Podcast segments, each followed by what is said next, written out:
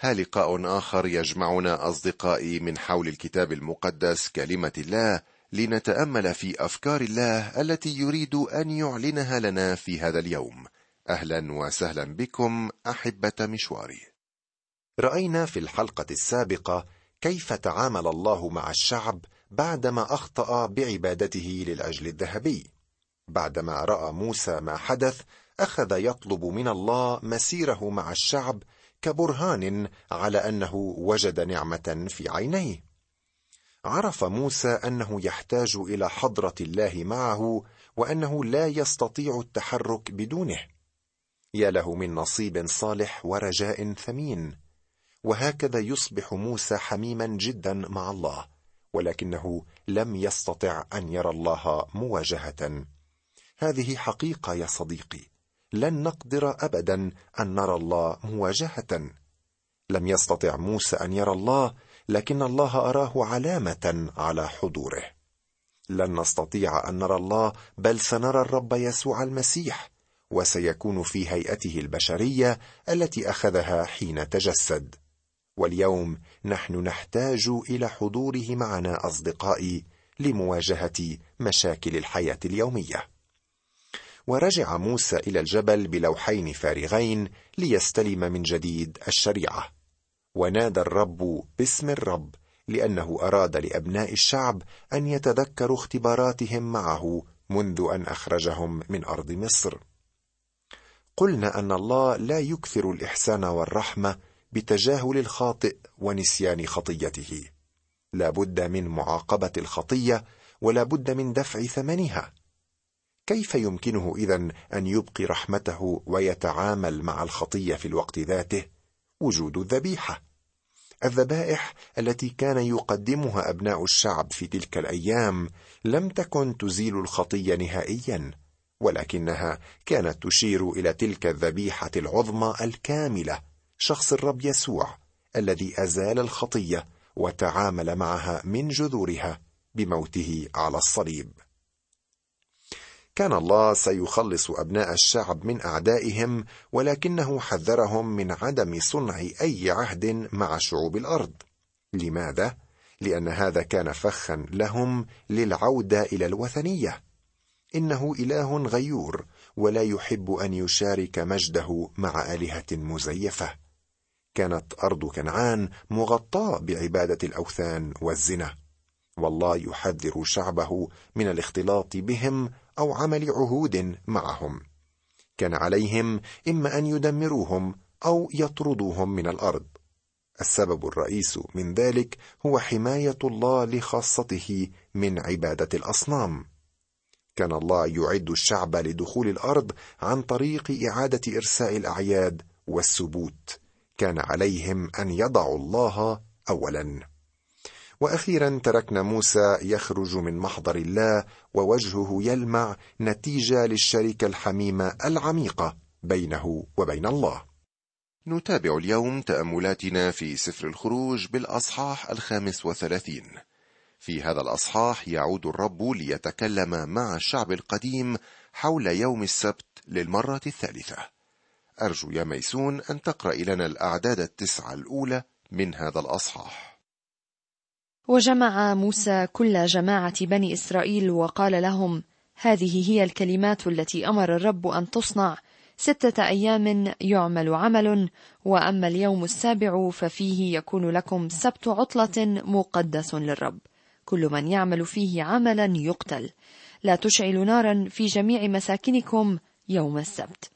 وكلم موسى كل جماعة بني إسرائيل قائلا هذا هو الشيء الذي أمر به الرب قائلا. خذوا من عندكم تقدمة للرب كل من قلبه سموح فليأتي بتقدمة الرب. ذهبا وفضة ونحاسا واسمنجونيا وارجوانا وقرمزا وبوصا وشعر معزة. وجلود كباش محمرة وجلود تخس وخشب صمت وزيتا للضوء واطيابا لدهن المسحه وللبخور العطر. وحجارة جزع وحجارة ترصيع للرداء والصدرة. يشدد الرب على أن السبت يختص بالخليقة القديمة حيث استراح في اليوم السابع. وعندما ترك الإنسان يد الله الخالقة ابتدأ يبتعد عن الله وصار يعبد المخلوق دون الخالق. أصبح لا يحفظ السبت.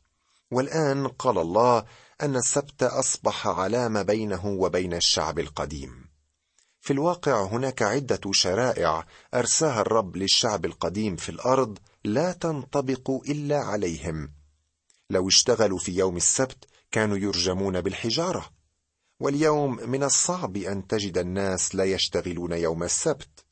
أعيد وأكرر يوم الأحد أو يوم الرب لا يعادل يوم السبت المذكور في العهد القديم. فاليومان مختلفان تماما عن بعضهما. خذوا من عندكم تقدمة للرب. كل من قلبه سموح فليأتي بتقدمة الرب. الهدايا التي قدمها أبناء الشعب لبناء الخيمة كانت طوعا واختيارا. لم يكن أحد مرغما أن يحضر شيئا. والأشياء التي أحضروها كانت عبارة عن مواد عينية كالذهب والفضة والخشب والعطور والأقمشة وما إلى ذلك. لم يكن في ذلك الوقت المال النقدي متوفرا بشكل رسمي. كان نظام المقايده هو الساري. لذا كان أبناء الشعب يقدمون اغراضا بدلا من النقود وهي طريقة استطاع الناس فيها أن يخدموا الرب. يمكنك أن تعطي للرب يا صديقي إما بشكل نقدي أو عيني. هناك الكثير من المؤمنين ممن يتبرعون بممتلكاتهم لعمل الرب وليس بالفلوس وهي ضرورية كما أن ذاك ضروري. ما أجمل هذه الصورة وما أحلى هذا التبرع الاختياري لبناء خيمة الاجتماع. فلم تكن حاجة للحث واستنهاض همم الشعب ولا تكلف موسى التأثير على الضمائر وإقناع القلوب لأنهم جميعهم سمحتهم قلوبهم وهذا هو الطريق الصحيح لأن مجاري السماحه فاضت من الداخل. حتى أن جميعهم شعروا بهذا الواجب الجميل وذلك الامتياز الحلو أن يقدموا للرب لا عن شح ولا مغلول أيديهم أو ضيق قلوبهم بل بكل سخاء حتى أن المواد كانت كفايتهم وأكثر. والسؤال هنا من أين حصل أبناء الشعب على كل هذه الأشياء بينما كانوا عبيدا في مصر؟ تذكر أن الله وعد بخروجهم من مصر بثروة كبيرة واستعادوا أجورهم. كان المصريون فرحين لترك الشعب أرضهم فأعطوهم ما أرادوا. نتابع القراءة الآن من العدد الثلاثين وحتى نهاية الأصحاح الخامس وثلاثين. وقال موسى لبني إسرائيل انظروا قد دعا الرب بصلئيل بن أوري بن حور من سبط يهوذا باسمه وملأه من روح الله بالحكمة والفهم والمعرفة وكل صنعة والاختراع مخترعات ليعمل في الذهب والفضة والنحاس ونقش حجارة للترصيع ونجارة الخشب ليعمل في كل صنعة من المخترعات. وجعل في قلبه أن يعلم هو وأهليآب بن أخي سماك من سبط دان قد ملأهما حكمة قلب ليصنعا كل عمل النقاش والحائك الحاذق والطراز في الأسمنجوني والأرجوان والقرمز والبوص وكل عمل النساج صانعي كل صنعة ومخترعي المخترعات. بصل إيل هو الشخص الذي جهزه الله لصناعة أثاث خيمة الاجتماع وأعطاه القدرة لنقل موهبته للآخرين. كانت خيمة الاجتماع جميلة جدا. كانت جوهرة في قلب الصحراء. لم تكن كبيرة الحجم لكنها كانت كثيرة الثمن. ولو قدرت ثمن المعادن التي فيها حسب أسعار اليوم لجاوزت ملايين الجنيهات. ولكن قيمتها الحقيقية تكمن في كونها صورة لشخص الرب يسوع المسيح. له كل المجد. أنتقل الآن إلى الإصحاح السادس والثلاثين حيث يعود بنا هذا الإصحاح إلى خيمة الاجتماع. رأينا التعليمات حول كيفية البناء والآن نرى بناءه حسب هذه التعليمات. والالتزام بالمخطط الذي رسمه الله مهم جدا لأن الخيمة تصور لنا شخص المسيح. وهنا يسعدني القول أنه يوجد لدينا بعض الرسومات لخيمة الاجتماع والأثاث الذي بداخلها. إن كان أحد مهتما بالحصول عليها ليفهم سفر الخروج بصورة أوضح فما عليه إلا أن يطلبها منا ونحن على أتم الاستعداد لإرسالها. اسمح لنا صديقي المستمع أن نقرأ من هذا الأصحاح السادس والثلاثين الآيات الثماني الأولى فقط. لأننا سبق وتأملنا فيما يحتويه. فيعمل بصلئيل وأهلئاب وكل إنسان حكيم القلب قد جعل فيه الرب حكمة وفهما ليعرف أن يصنع صنعة ما من عمل المقدس بحسب كل ما أمر الرب.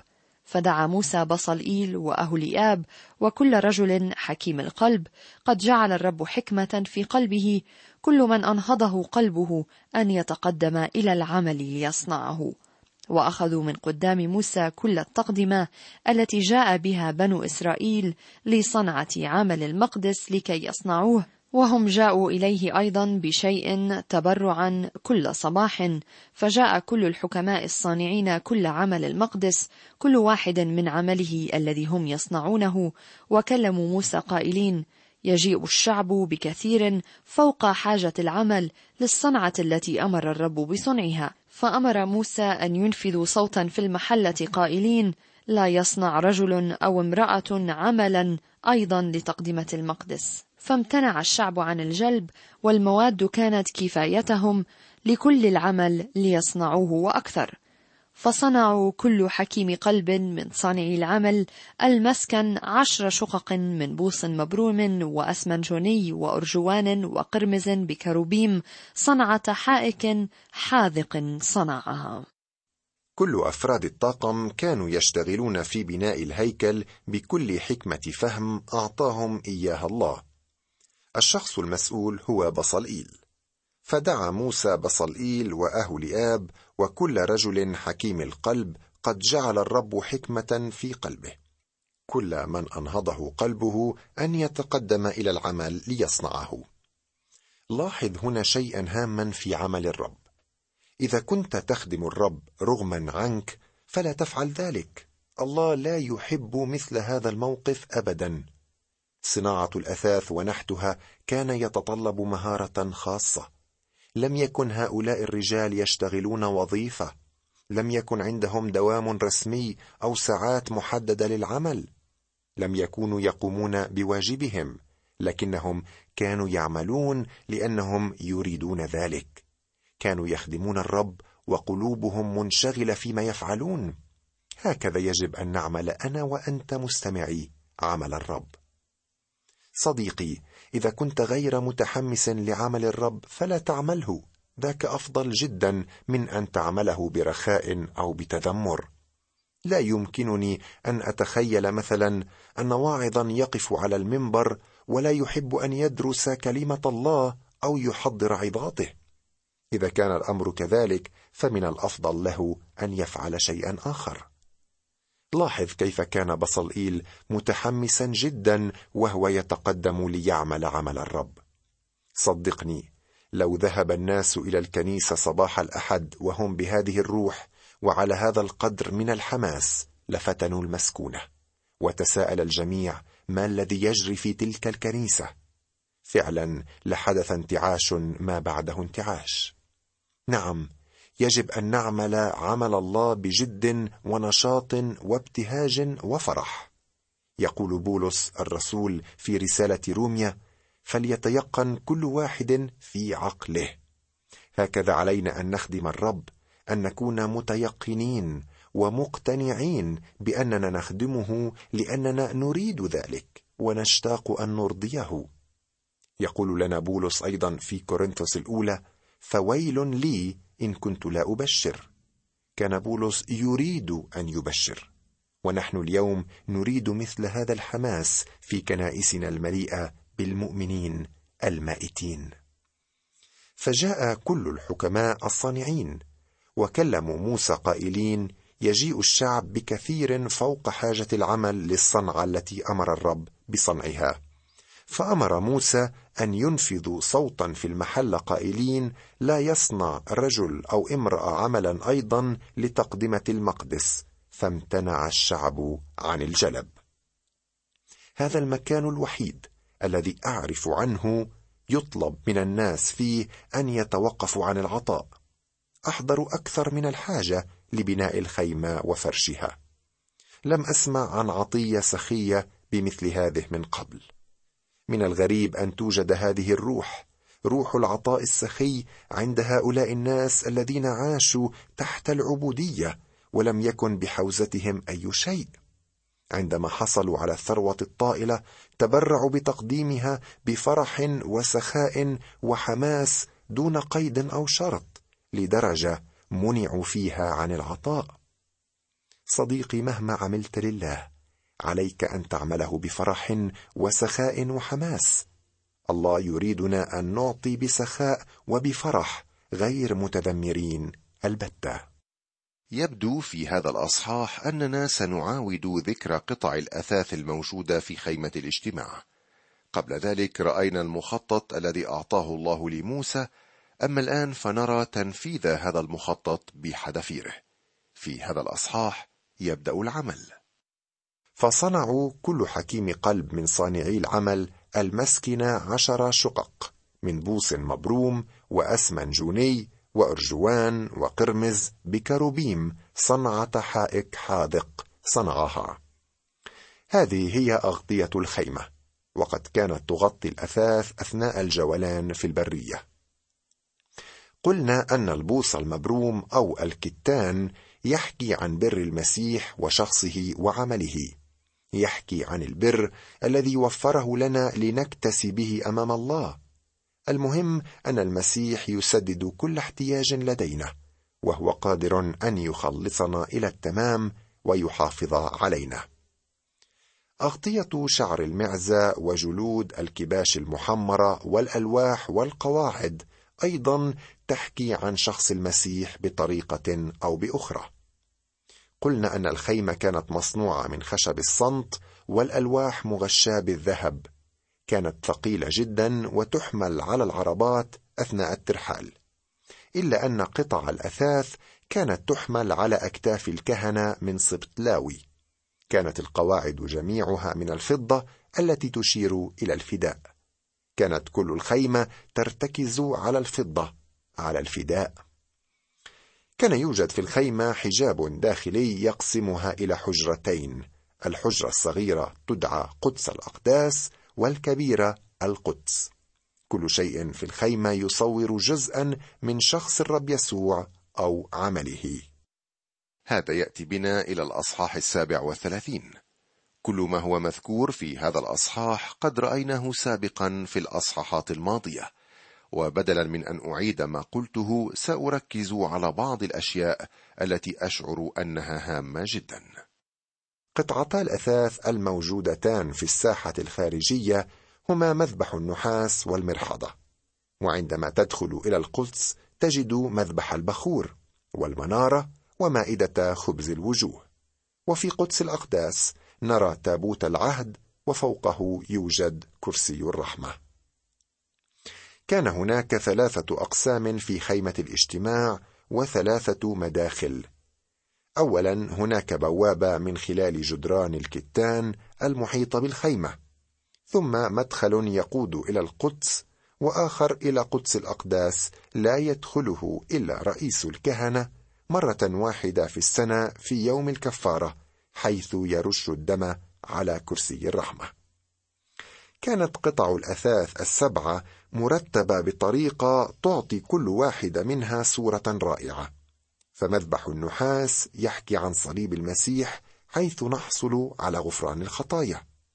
والمرحضة تتحدث عن غسل المسيح وتطهيره لخاصته.